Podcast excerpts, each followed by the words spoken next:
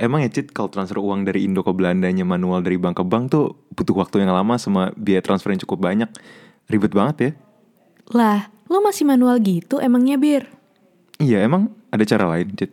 Hari gini kan udah ada Transfest. Oh, Transfest. Gimana tuh emangnya, Cit? Iya, dengan lo pakai Transfest, buat kirim uang ke Belanda jadi cepat, aman, dan mudah. Uang udah bisa diterima sehari setelah hari transaksi pengiriman uang tersebut. Juga, biaya adminnya jauh lebih terjangkau. Cuma 74 ribu buat setiap transaksinya loh. Oh, wah ini solusi masalah gue yang selama ini gue cari sih. Iya, langsung aja deh Bir. Dan buat teman-teman podcast PPI Belanda yang lagi dengerin, untuk download aplikasi Transfest di App Store atau Play Store. Transfest juga nggak ada hidden fee yang dikenakan setelah lo ngelakuin transaksi. Plusnya lagi nih, kalau lo pakai kode referral PPI Belanda 898473, itu lo bakal dapet gratis biaya transaksi pertama kali. Transfest, cara paling mudah dan nyaman untuk kirim uang ke mancanegara. ADHD, also called as attention deficit hyperactivity disorder, is one of the most common neurodevelopmental disorders, typically in childhood but could also last to adulthood. Approximately 1 in 20 kids worldwide is diagnosed with ADHD. Now, what are the types, signs, and symptoms? What are the risk factors and the main cause, especially from a genetic point of view? Moreover, we're also going to talk about OCD and some social contexts revolving neuroscience, such as neurodivergence and the progress of women in science. So, um, my name is Romilda Bontes. Um, my last podcast was about imposter syndrome, and I'm very, very happy with the feedback that I've received from people that it kind of helped them to get through difficult situations because that's my main purpose at that podcast. And if you haven't listened to that, maybe you can scroll scroll through podcast PPI Belanda, Spotify, to listen to it. But today we have a special guest that I've been longing to talk to. Her name is Eugenia Singh. She holds a PhD of neurogenetic scientist studying molecular mo- mechanisms of ADHD. Welcome Kak Eugenia. Ha, I've been longing to talk to you because kita sempat harus delay guys because waktu itu Kak Eugenia sempat sakit dan I'm happy that she's feeling better now. Yes, indeed. Well, yeah, I mean, yeah, it's yeah, it, it's not like what people maybe thought. Uh, it's not COVID, but yeah, I had a bit of a problem with my stomach at that time. Aww. Probably due to stress. Is it uh, regarding your defense for your thesis? uh, well, the the timing is a little bit too suspicious to say that it's not because of that. So I get it. let's say it's because of that. I totally get it. Um, by the way, guys, she just finished her defense for her thesis, which of course we're gonna talk about later, and I'm very excited about that. And but now let's get to know Kak Eugenia first. So uh, I'm actually really curious about you and um, how you became a scientist and you like your progress through there. Could you let us know more a little bit about you? Sure. So yes, I'm so just like uh, Romilda has said, uh, I am well. I'm a doctor now, doctor of philosophy, not a medical doctor. Uh, yeah, so I did my PhD in uh, Radboud University, Nijmegen, uh, studying the yeah molecular mechanism of ADHD. Uh, before that, I uh, I studied uh, life science in Han Uni- at Han University of Applied Sciences, also in Nijmegen.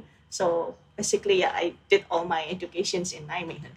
I'm actually curious, kan Kak Eugenia waktu kan sekarang udah jadi Doctor of Philosophy nih. Nah, when you were little, what did you actually want to be sih? Because I know that um, children typically would have uh, like cita-cita jadi doctors, astronaut, president. It always revolves around those three. Kalau Kak Eugenia gimana? Uh, yeah, so my childhood dream, right? Um, Yes. Yes. So, uh, yeah, waktu kecil dulu, uh, I have this. Uh, so my parents bought me this kind of uh, chart, something like that, that is on uh, that can be uh, pasted on the wall. So, so some kind of poster for for kids uh, that says a different type of professions. Well, in English and in Indonesian. Uh, and then I thought like, oh, uh, there are some uh, uh, some professor uh, sorry, there are some jobs there uh, actually, and then I thought like, oh, uh, this is very interesting. Like uh, there are, I think, uh, doctors and teachers, scientists, astronaut, um, yeah, this kind of uh, jobs. And I thought that I think being teacher or being a scientist is, looks cool, or yeah, or going uh, going to the space is also very cool, right? And then little that I know, actually, I really uh, yeah become a scientist right now, and also Wow. in my yeah in my PhD, I also actually teach uh, I give lectures to uh, bachelor and master students. So you can say that two of my childhood dreams are already uh, realized. I don't know whether I would be able to be eligible as as astronaut in the future, but yeah, one cannot stop dreaming, right? Well, congratulations on becoming a scientist. It's an Really? Yes. I know that it is really, uh, it's very amazing. I mean, uh, well, I think in Indonesia it's uh, not a very popular uh, field, I guess.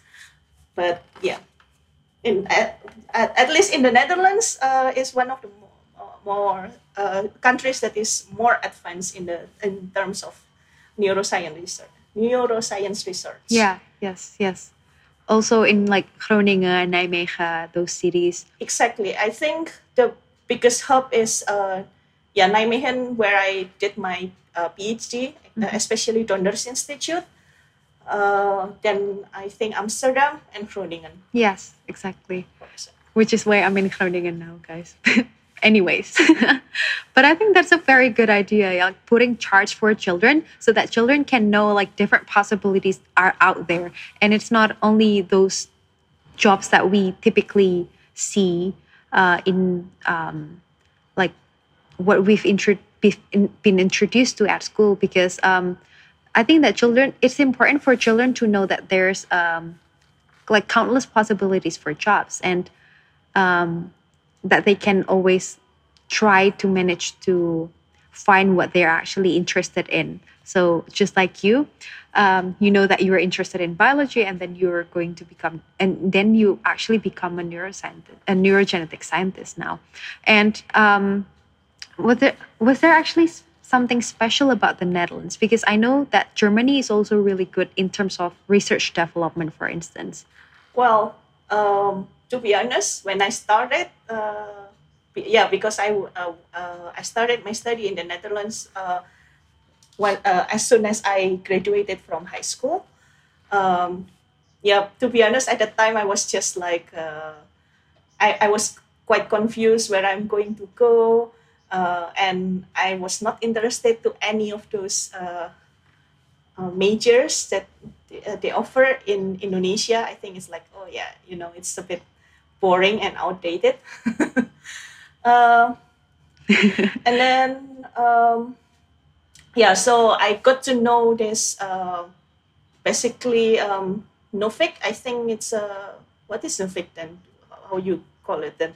Uh, an organization for uh, studying abroad. Uh, Dutch organization for studying abroad, either the Dutch people who wants to go abroad or uh, people from other countries that want to go to study in the Netherlands. I think.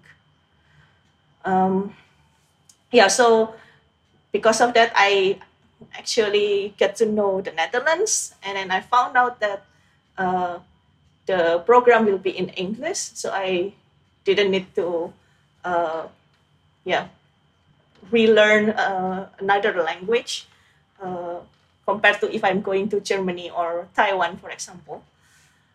Uh, and also the tuition fee is actually not as expensive as if you go to the US or Australia or the UK or even That's true. or even if you want to uh, yeah if you want to study in a local university in indonesia at that time the tuition fee is almost the same so my father said that yeah let's try to go to the netherlands I see, I see. But you liked it, right? During like the experience of like staying there. yeah i like it i cherish my time staying there yeah. That's really nice. And um, I was also wondering because you took a PhD, and I am still in my first year of um, bachelor uh, in biology. in University of Groningen and I have no clue if I should do a PhD. I would love to know what was the experience like because does take several years and I'm sure it was like a pretty busy kind of life and do you maybe find a work life balance because uh, I found that work life balance like being able to do sport and cooking is very like vital for me and important. So how was the experience like for you on deciding to do the PhD and during the PhD itself? Okay, so the decision itself uh, doesn't really come so abruptly, so it's a bit of a gradual.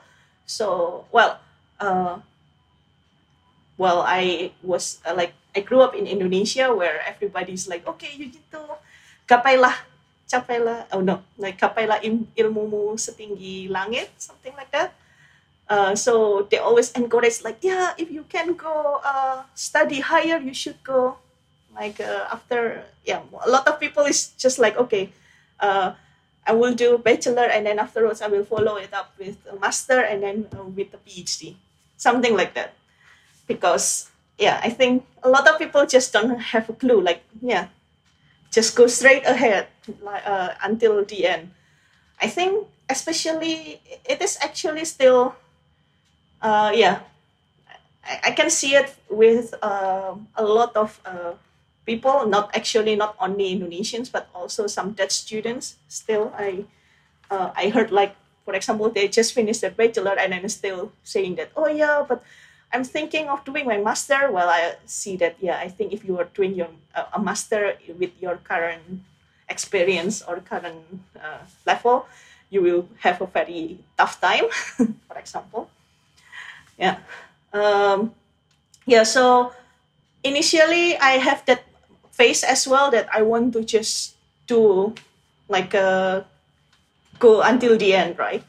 Uh, but I need to be realistic because, uh, yeah, at the time my my parents were supporting me, right? So it's not it's not like some point you are thinking like, why am I like uh, I cannot let my parents to uh, do this uh, all the like until the end, right?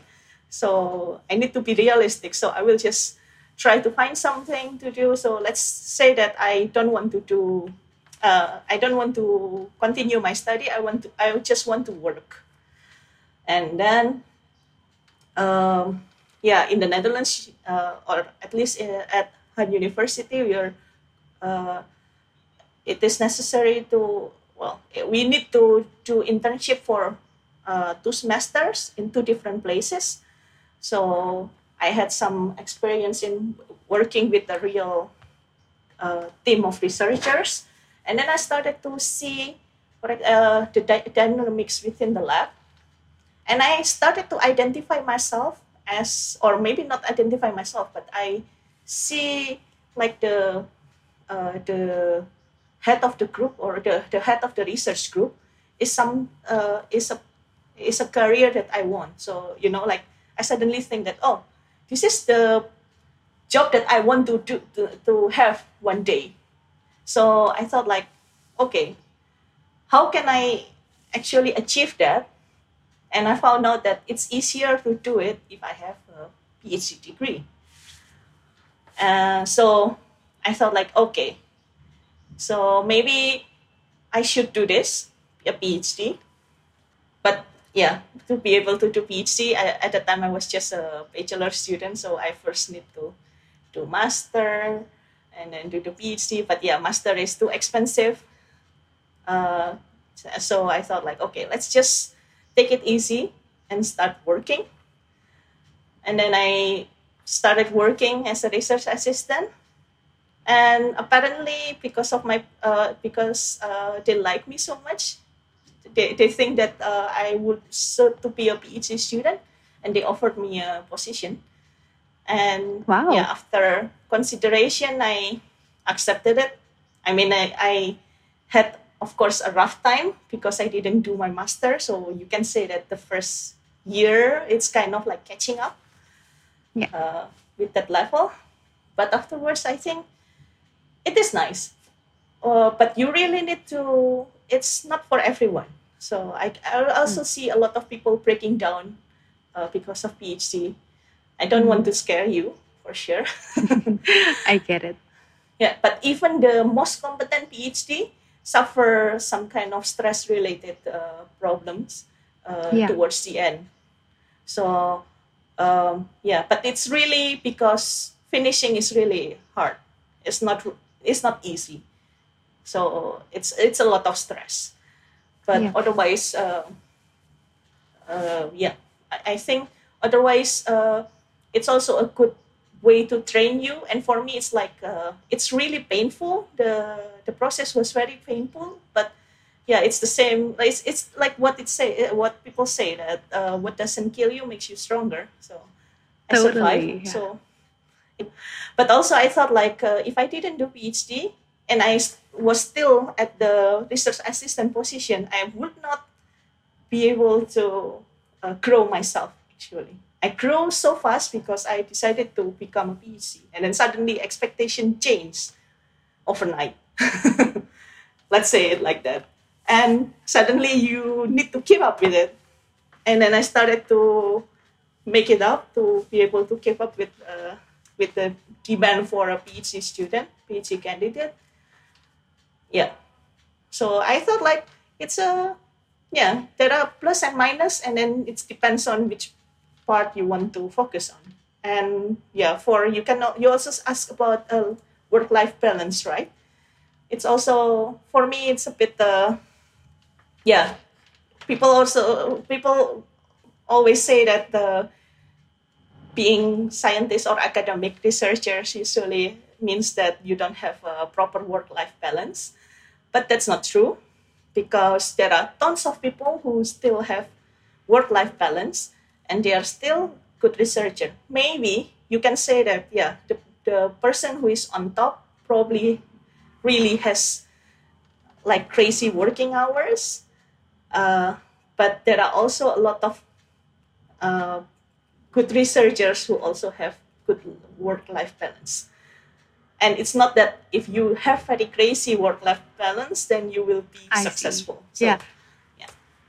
Okay, so from what I get Let's is that it is probably not for everyone, but we gotta try and figure out if it's actually something that we would want to do, and um, um, depending on the working hours as well, if we were gonna be able to find a work-life balance, and also considering putting it into mind like our mental conditions, are we gonna be able to comprehend what is what we are facing during the PhD, right? Well, for me, uh, yeah, like I think uh, there are also some fr- friends who told me like uh, because they did P, uh, they know they already knew that they wanted to do PhD, but they still and they actually got an offer, but they rejected it and then still did master. And I asked them like, okay, so what did you do for your master, right? Uh, Do, do you actually learn something new before you start your PhD because that's the most important, right? Uh, do you? But they also say that, yeah, having a master is kind of buying you time also. Uh, before you, if you really did, uh, wants to become a PhD one day or you want to pursue PhD, then master is really buying you time because it's two years, right?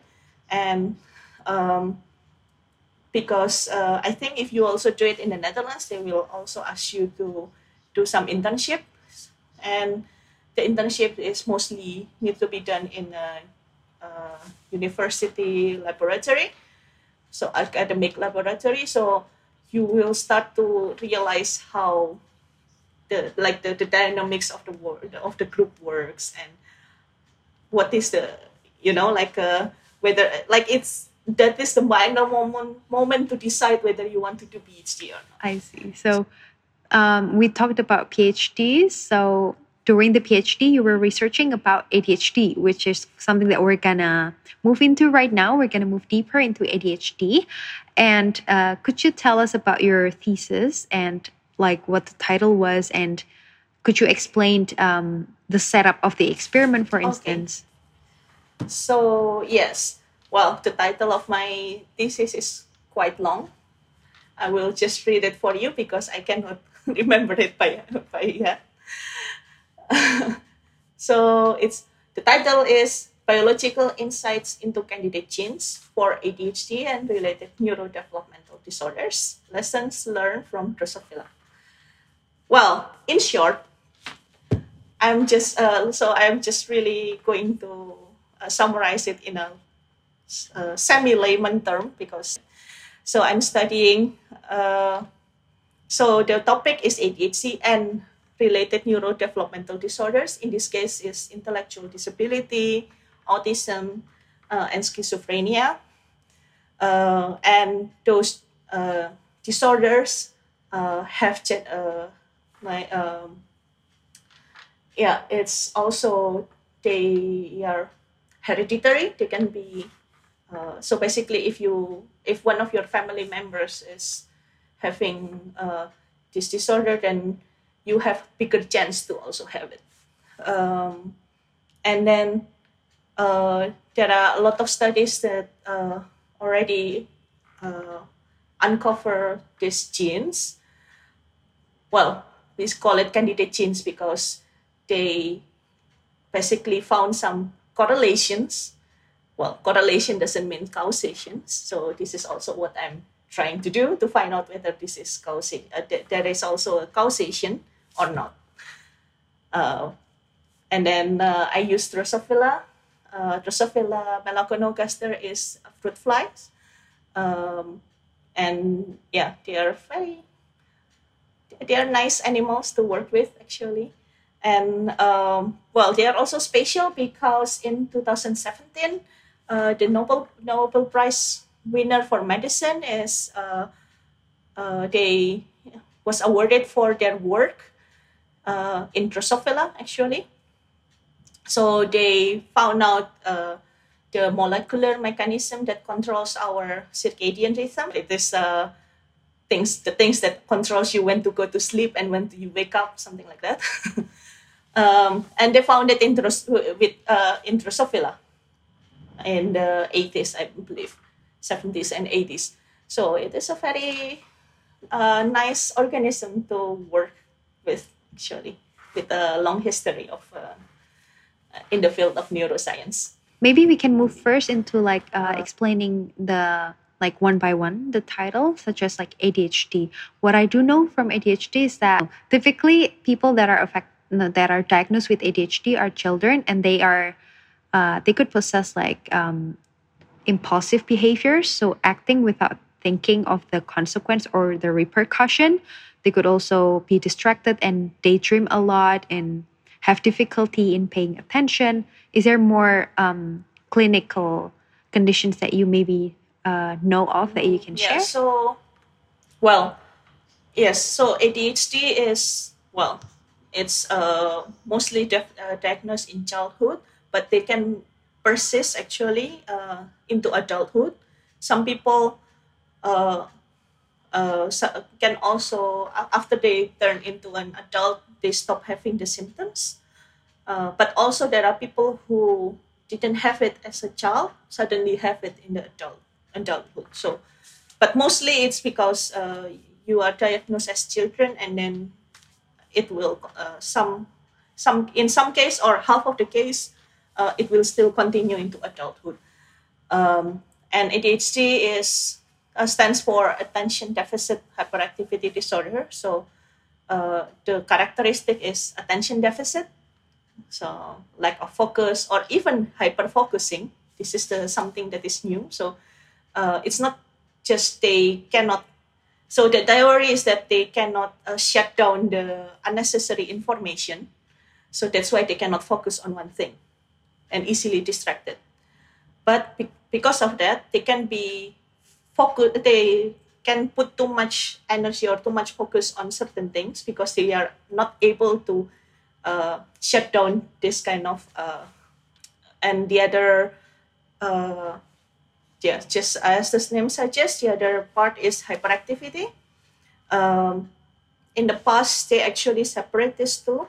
You only have ADD and hyperactivity actually, and then at some point they are together, ADHD.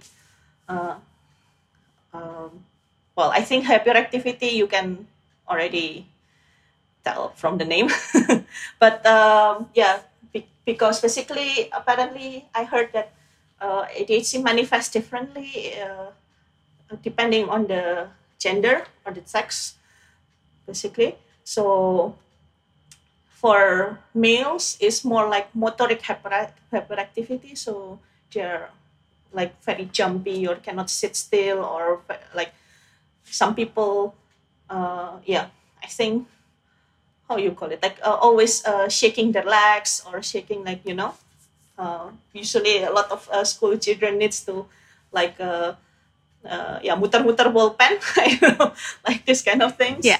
uh, because my class uh, like half of my classmates are so good at it I never can learn that. Um, uh, yeah so they always fidget uh, uh, fidgeting. Mm, but for girls is a bit different apparently most of the times uh, hyperactivity in girls uh, manifests as uh, being chatty Ah, I see. so they talk a lot yeah I see. so the, the form is a bit different and it's not only adhd apparently for some other uh, psychiatric disorders it can manifest differently in female and males so yeah um, but and you can you say impulsivity yes um, so adhd uh, usually is divided into two different uh, subtypes. One is the inattention type. The other one is uh, hyperactivity or impulsivity. So usually they are together. They are tightly linked together. Uh, but there are also combined type.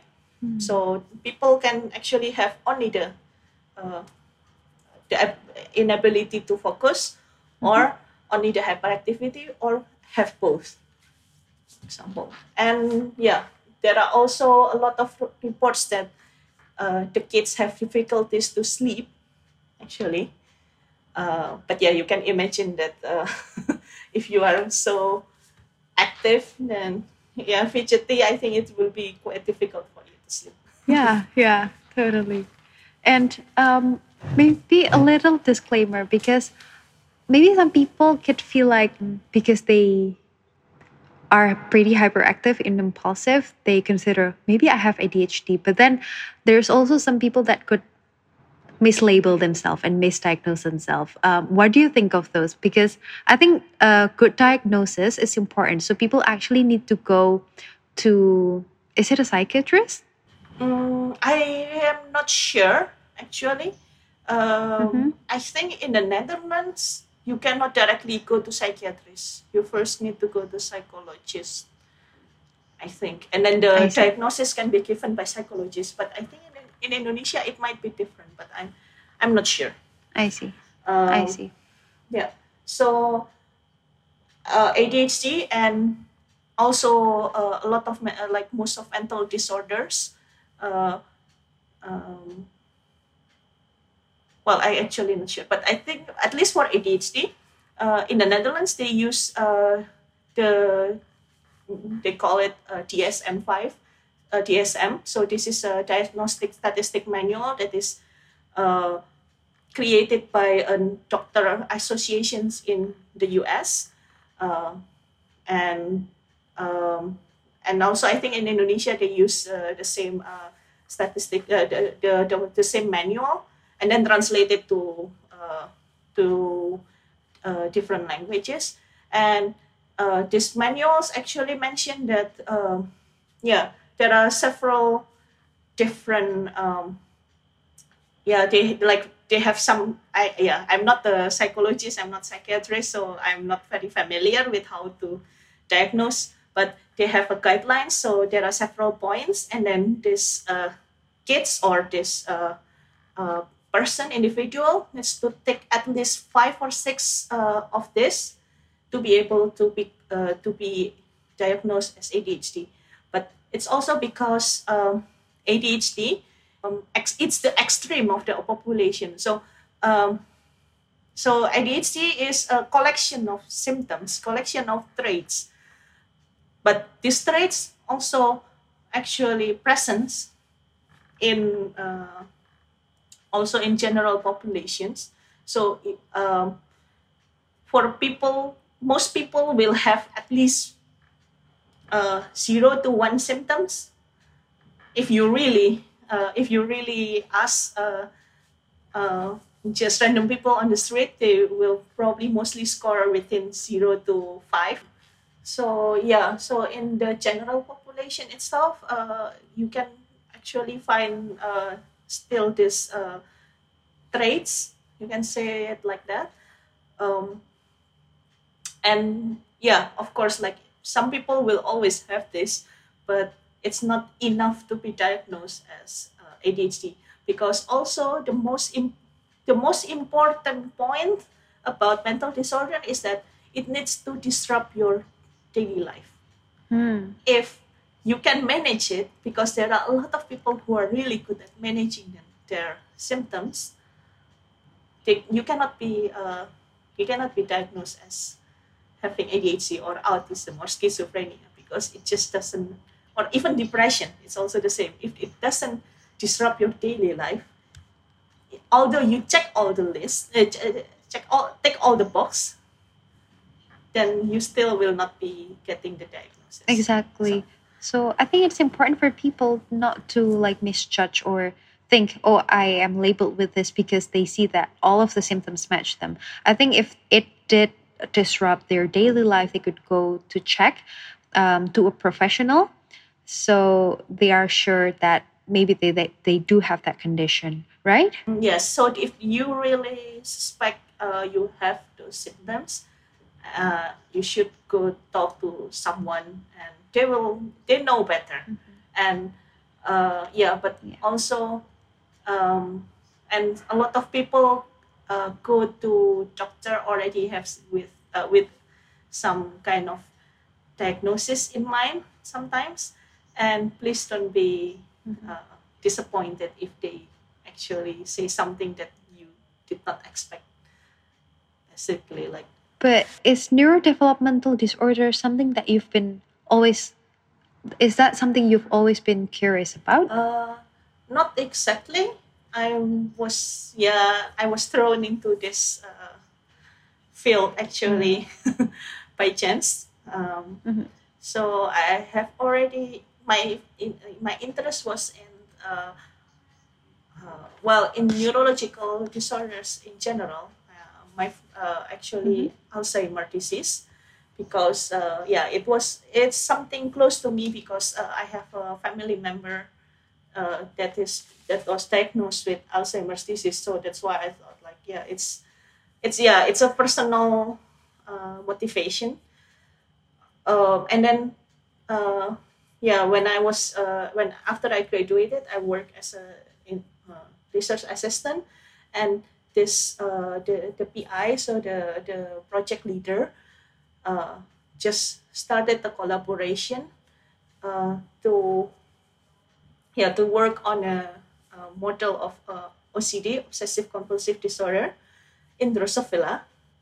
So and then uh, he asked me to work on this project and then I started with the project and then I started to actually go into this uh, neurodevelopmental neuropsychiatric disorder things with Drosophila and I think it's fun. Um, well, it's a bit difficult because uh, psychiatric disorders uh, because it's a human thing. Psych- basically, psychology is human science. Uh, but because it's yeah, yeah, it's also very difficult because uh, it is uh, based on uh, human behavior. Well, human behavior is controlled by biology, but sometimes it is not uh, when they are grouping them together they didn't group it as uh, with biological basis. So sometimes we as uh, people who are doing this kind of uh, studies is also a bit struggling in that sense because uh, yeah we are maybe we are looking at something that is like totally totally uh, different biologically but being lumped together so that's why we never see it so it's very interesting it's also uh, yeah our lab is also uh, the uh, it's one of the uh, one of the uh, labs that actually do psychiatric research in Drosophila. So it's it's always nice to do it. Feel special, right? Yeah, totally. And um, hopefully in the future, it could be of use for um, getting to know more about ADHD, right? But now we've talked about the clinical conditions, like what are the signs and symptoms, but we can move into um, the molecular biology of ADHD itself. So, could you maybe tell me what are the genes that are actually related to ADHD? Okay, so well, the thing is, um, with a lot of psychiatric disorders, uh, they know that it is heritable because yeah, otherwise, uh, why it is more uh, if you have family members with uh, psychiatric disorders, why do you actually have a higher chance to have it, right? So it is uh, there is some genetic basis to it, um, but uh, actually it's very difficult to pinpoint what it is. Uh, um, and this is also what I mean. I also know some uh, some people with, uh, yeah, especially ADHD actually, uh, because autism is a little bit more known uh, for genes and so on. Uh, they always ask like, what is actually happening inside uh, inside my brain? I I know that it's something happened inside my brain that makes it makes me like this and have the diagnosis of ADHD. And I say that, yeah, we might have a clue, but we don't know yet. That's the that's the thing. So that's why it's important to do this research to know what is happening. Um, and until I started my PhD, we actually don't know much about the genetics of ADHD. Unfortunately, it only uh, until I, in the mid of my PhD, then it suddenly we we we have a bit more clue. Like I said, that uh, it's all about correlation. So um, so a lot of labs in the whole world actually collect uh, genetic samples from a lot of people, and then from this uh, uh, they analyze.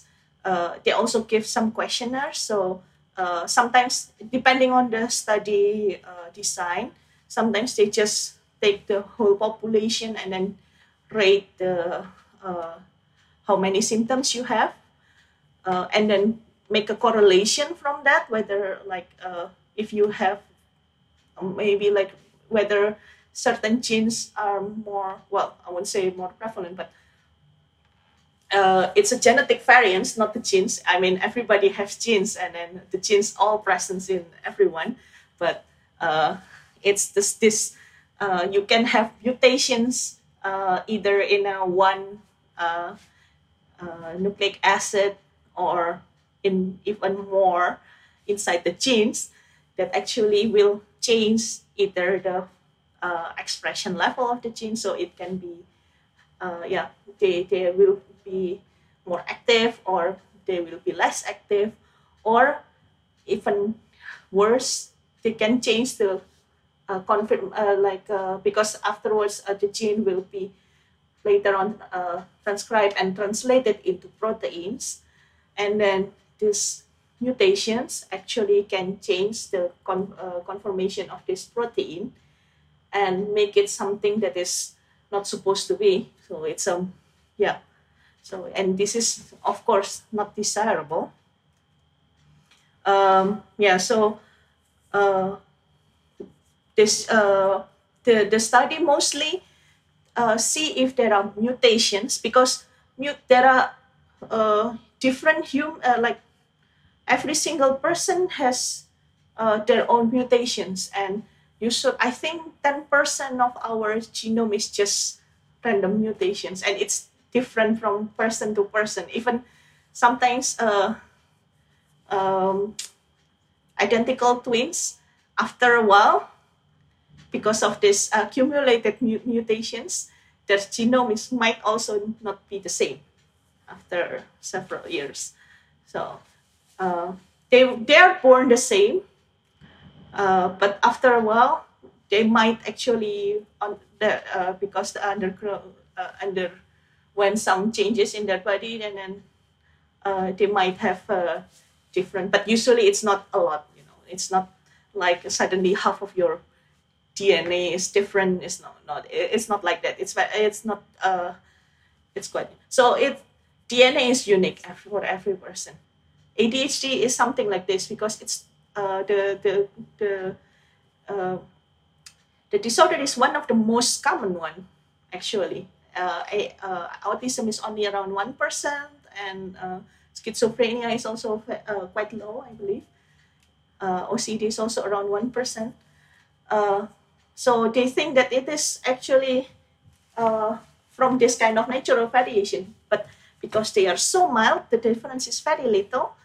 Uh, that you really need a lot together to actually uh, to actually give a um, give you this uh, uh, like difference, you know, and um, they actually they have hypothesis or scientists geneticists uh, have the science they have this hypothesis that maybe this uh, mutations or like, like very very little variations um, accumulated in certain process certain type of process. So maybe if you are like for example you have process from a to c and then if you only change a little bit like maybe like 0.1% of a you will not feel it uh, by the time it reaches c. But if if it's 0.1% at a and then 0.05 uh, uh, b and then 0.1% again at c and c and then so on until c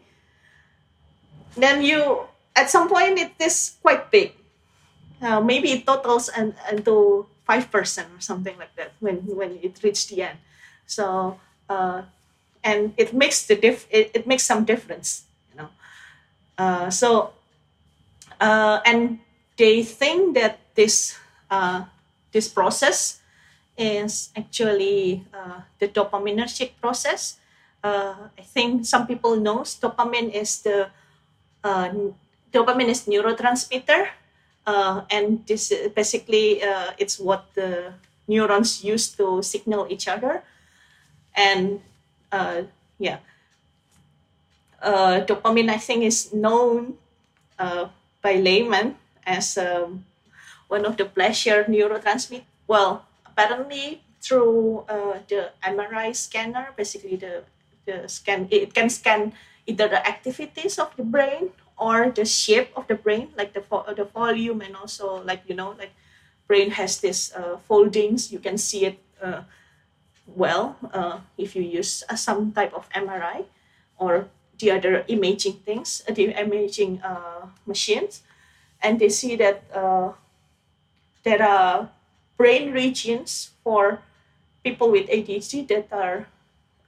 smaller or bigger than the general populations, basically. So something is uh, altering, but very mild because it's really minor because it's not like you can say, oh, like uh, your brain is smaller because you uh, you have ADHD. No, it's not like that. It's probably only like uh, one percent, zero point one percent. It's really really neglectable if you like it in a bigger scale but it's really really small but apparently it's uh, yeah uh, this is how how far we know up until now. Uh, if i say that uh, adhd like the the difference of the mutations that uh, the, that the mutation makes is small i think for personality it's even smaller. So it's a bit difficult to identify. And uh, yeah for genes actually in this book i so i said that i uh, studied for not only adhd but also uh, related neurodevelopmental disorders. Uh, so it means that because uh, my top like the topic is adhd but uh, in this uh, in my for my project the genes that i was studying was not only they were not only suggested for ADHD, but also for other disorders like intellectual disability or schizophrenia or autism. Uh, so, for example, um, I always love this gene. uh, the, the, gene is called MEF2C. So, in uh, yeah, so this gene uh, is like a yeah sorry mutations in this gene uh, is known to cause intellectual disability uh, with uh, heavy autistic uh, symptoms actually. And uh, yeah so we found out that it is also related to adhd and apparently through my Drosophila uh, data, I, uh, I found out that they are indeed have uh, yeah they have some role in activity in um, yeah. And also uh, in maintaining sleep. So the flies when they don't have uh, they have uh, less of this gene expression then they have a bit difficulties of sleeping like uh, you should not hyper focus on the things that y- that is not relevant but will be good if it's something relevant to be able to function well in the society um, but also um, it is shown that uh, people with ADHD apparently has uh, uh, more creativity um, compared to uh, compared to normal people. Yeah, there are a lot of theories about this. Uh, I actually because this is not my uh, research topic, so I'm not sure about it. But yeah, this is also one of the. Uh, this is the, her topic that, yeah, her research is about discovering the positive traits of ADHD. So it is good, and also in the past, probably this is also something beneficial because otherwise, uh, traits will already be eliminated through a uh, um, like one of the evolutionary theory is that if the traits or certain things is not uh, is not favorable, then they will die out in the populations. But it's not. So some it used to be favorable, and if you think about it, uh, uh, I think only the last uh, centuries or the last two centuries, people really need to go to school and sit throughout the day and do nothing, like really sit still in the school. And before that, it was all outside, right? And then that's when ADHD probably starts to become a problem because those kids suddenly cannot sit still and listen the whole day. It doesn't fit with the society construct of uh, how schools or society should be, right? Yes, indeed. So that is one theory. I don't know whether like uh, it's a, it's a hypothesis that probably it's the change of the society that makes it uh, like the our genes or our like the yeah the traits is not hasn't died out yet, but the uh, yeah the society has changed much more rapid than what our biology can do. So yeah, something like that. It could be like that.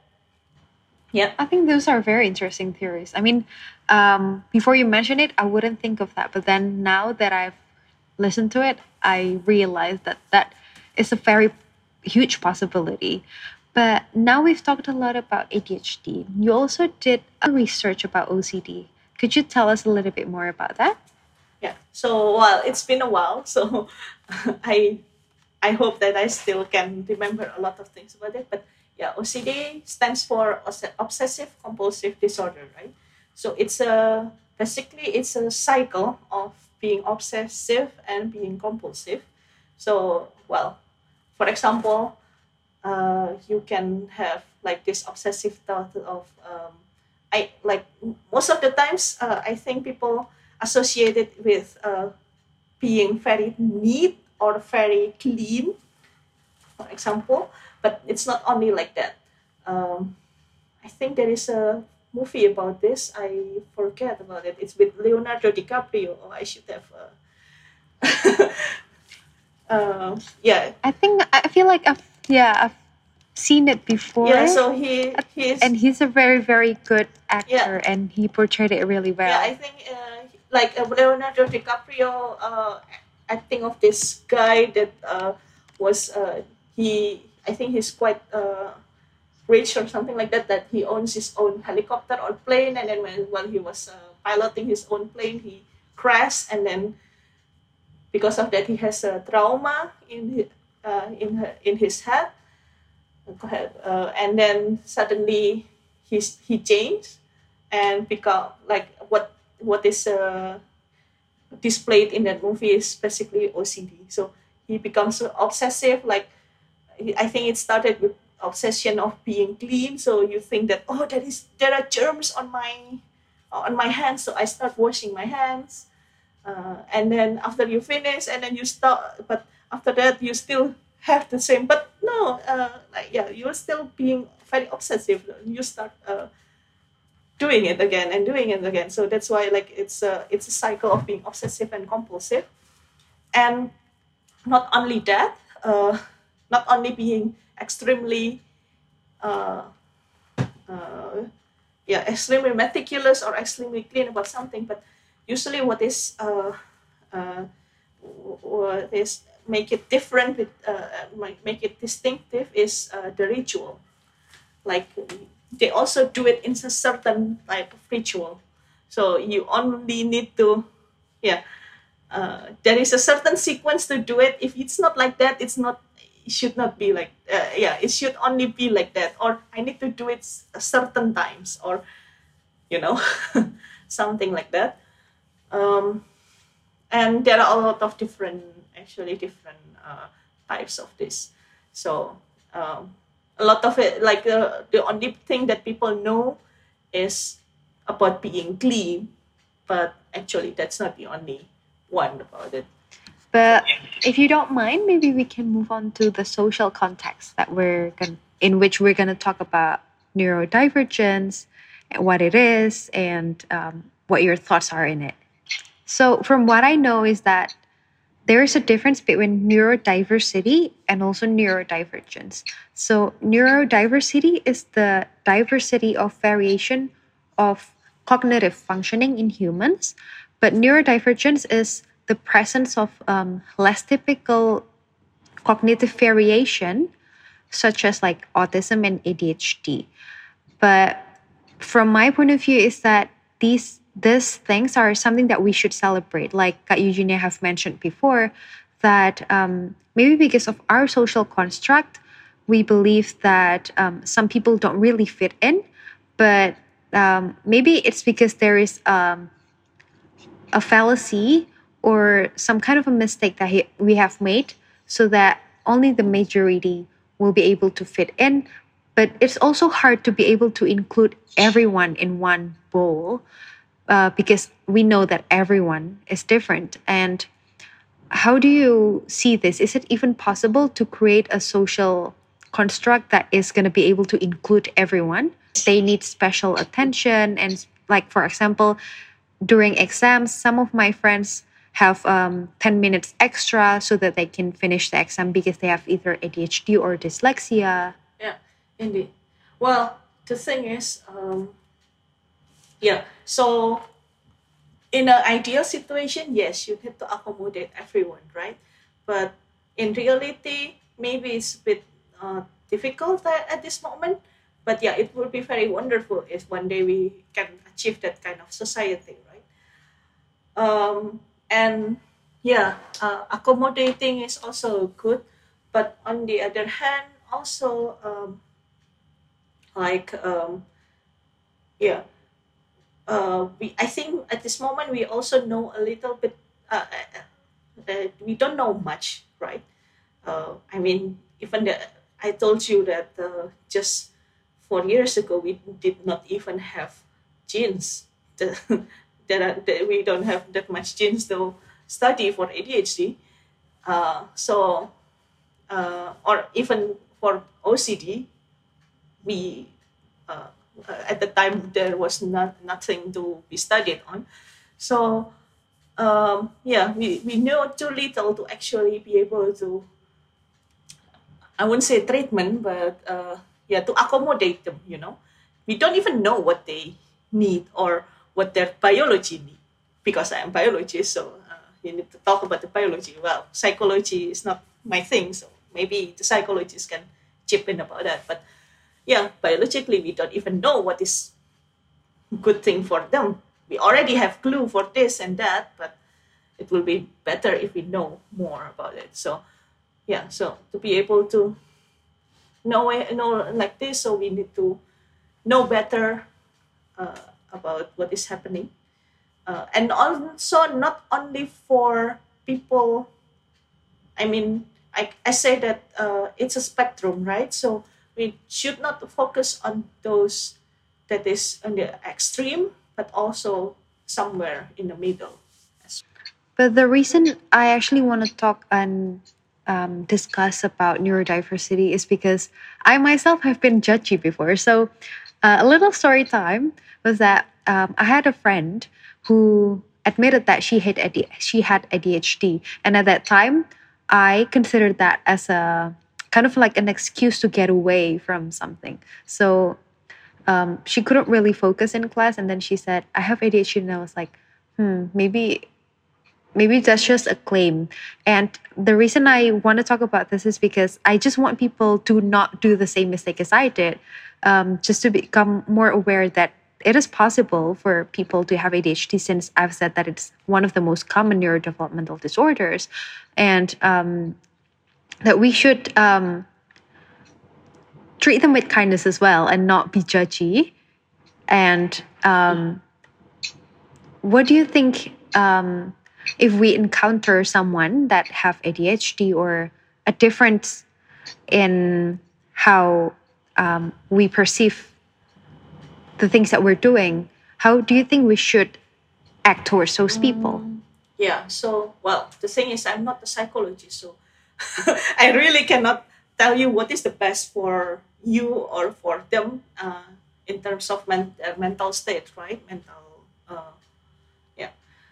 But then um, I think, well, of course, like you also have people who, for example, self-diagnose or think that they have this kind of disorder, but apparently they don't.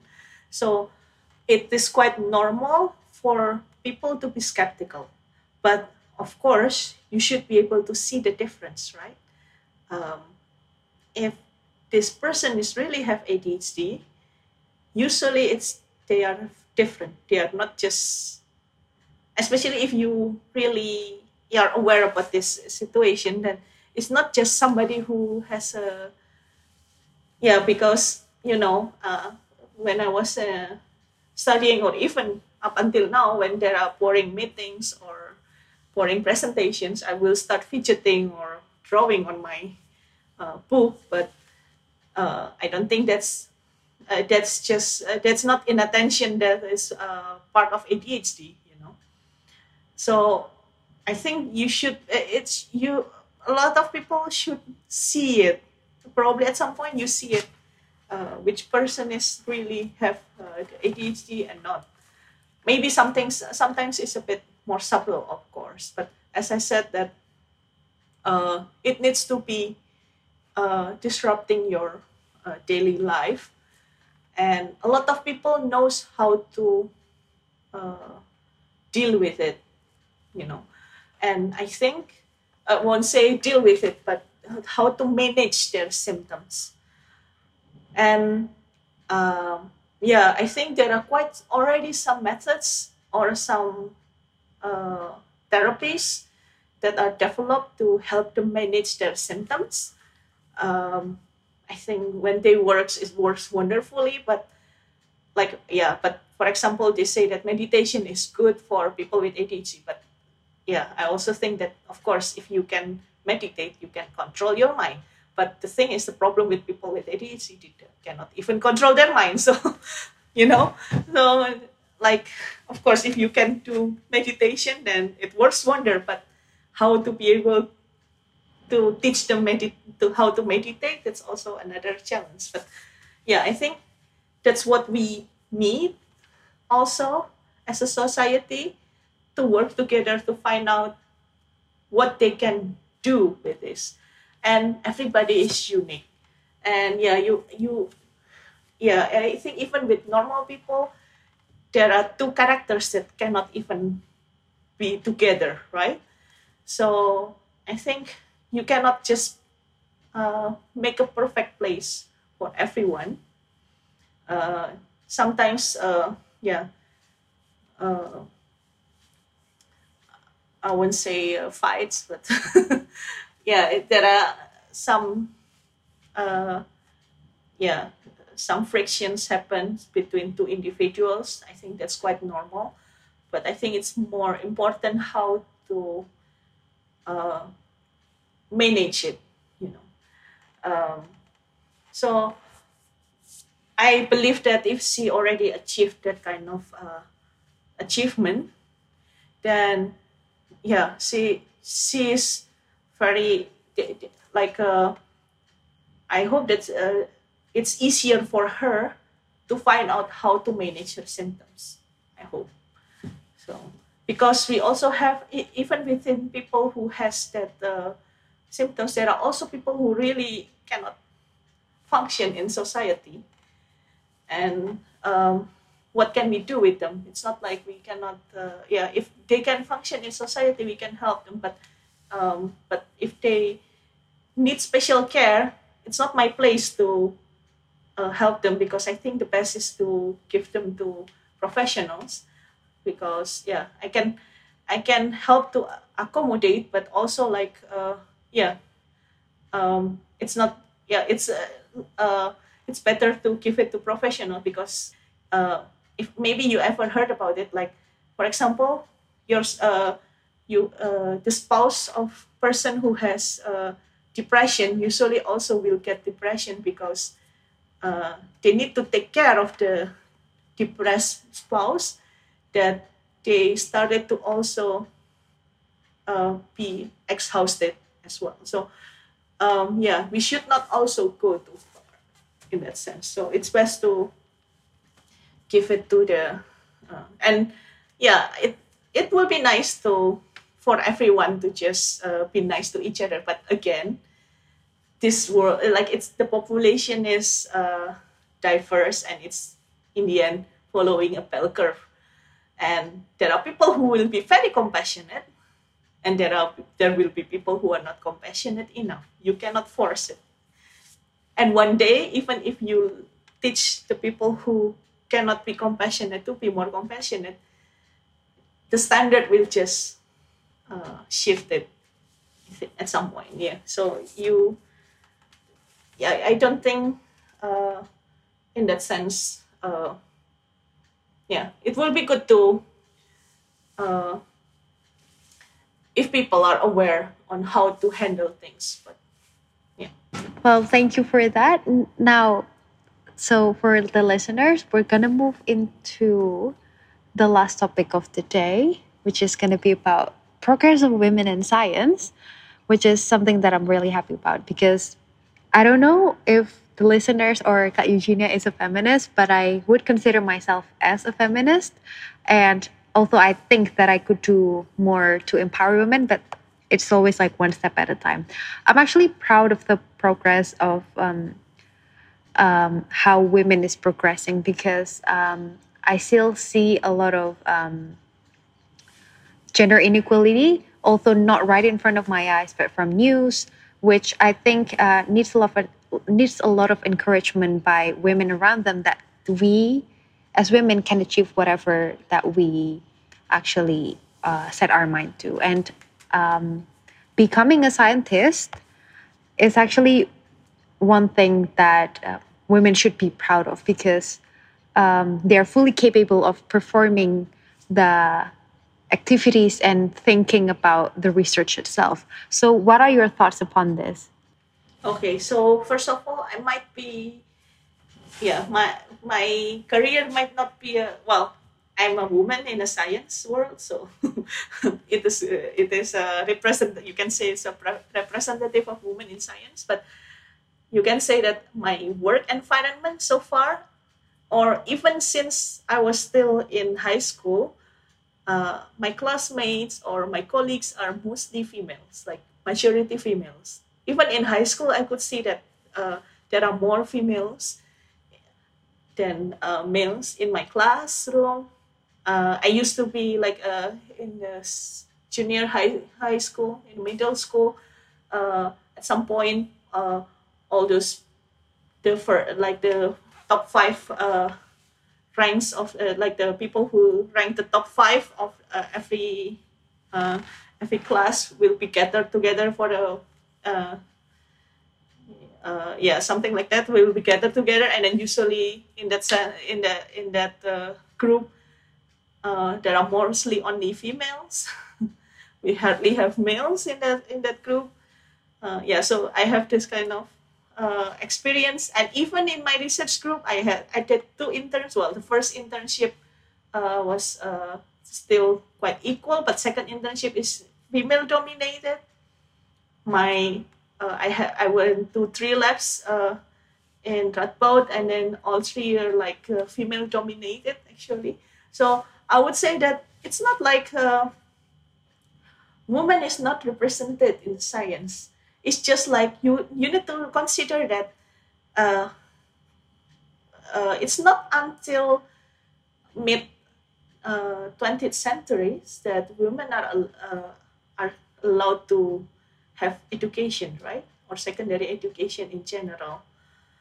Um, so I think um, you, you, yeah, you need to say that uh, we as women is a bit behind in that sense. And the wave of people, the, the wave of women in science is coming. Right now, of course, because the people who are now professor or like the CEO. Uh, well, CEO maybe it's different, but like the top of the uh, uh, the, the top of the research is uh, mostly males, of course, because they were they, they were there are people who were born in the 50s or 40s even. So they they are the generation that uh, maybe uh, the first time women are uh, allowed to go to, to the university. So, you know, so um, yeah, it is coming, and it is already. They say that nowadays there are more. Uh, well, one say that there are more females than males in secondary education, but females are uh, known uh, like um, yeah there are higher rates of female uh, finishing studies than males. So, um, yeah, you can say that, um, well, at some point, uh, we will have enough representation. So I think, of course, that it is still, uh, yeah, we still have, uh, we still need to make the change, of course, because um, to, to make science more accommodating to females. Uh, but I also see that there are some uh, some policies that try to do this in a not a very yeah they don't do it properly basically they just say that okay there needs to be certain percentage of females than males in the in the board and yeah and then if you only have one female uh, uh, yeah, if you have only one female professors and then you need to have equal amount of females and uh, males, where are you going to find the, the, the rest of the professors, right? The female professors. then you started to say, okay, then I just need uh, some names to make sure that I have enough female representative in the board. And they're just there for names only somehow. So I think it's nice for them to do that, but at the same time, like why would you do this you know? Um, i think it's more important because i think the difference between male and female is especially the uh, the reproductive system.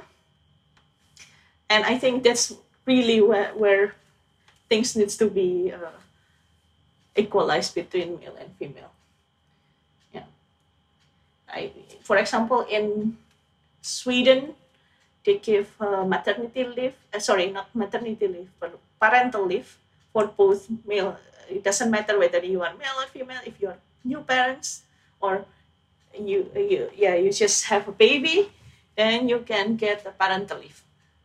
And it doesn't matter you can use it together as mother and father or you can choose only only one can uh, stay at home can be the father can be the mother and the other go back to work and so on but they mandate at least several months for the uh, for the for the young mother i think for the mother because of course you cannot uh, you cannot recover that fast.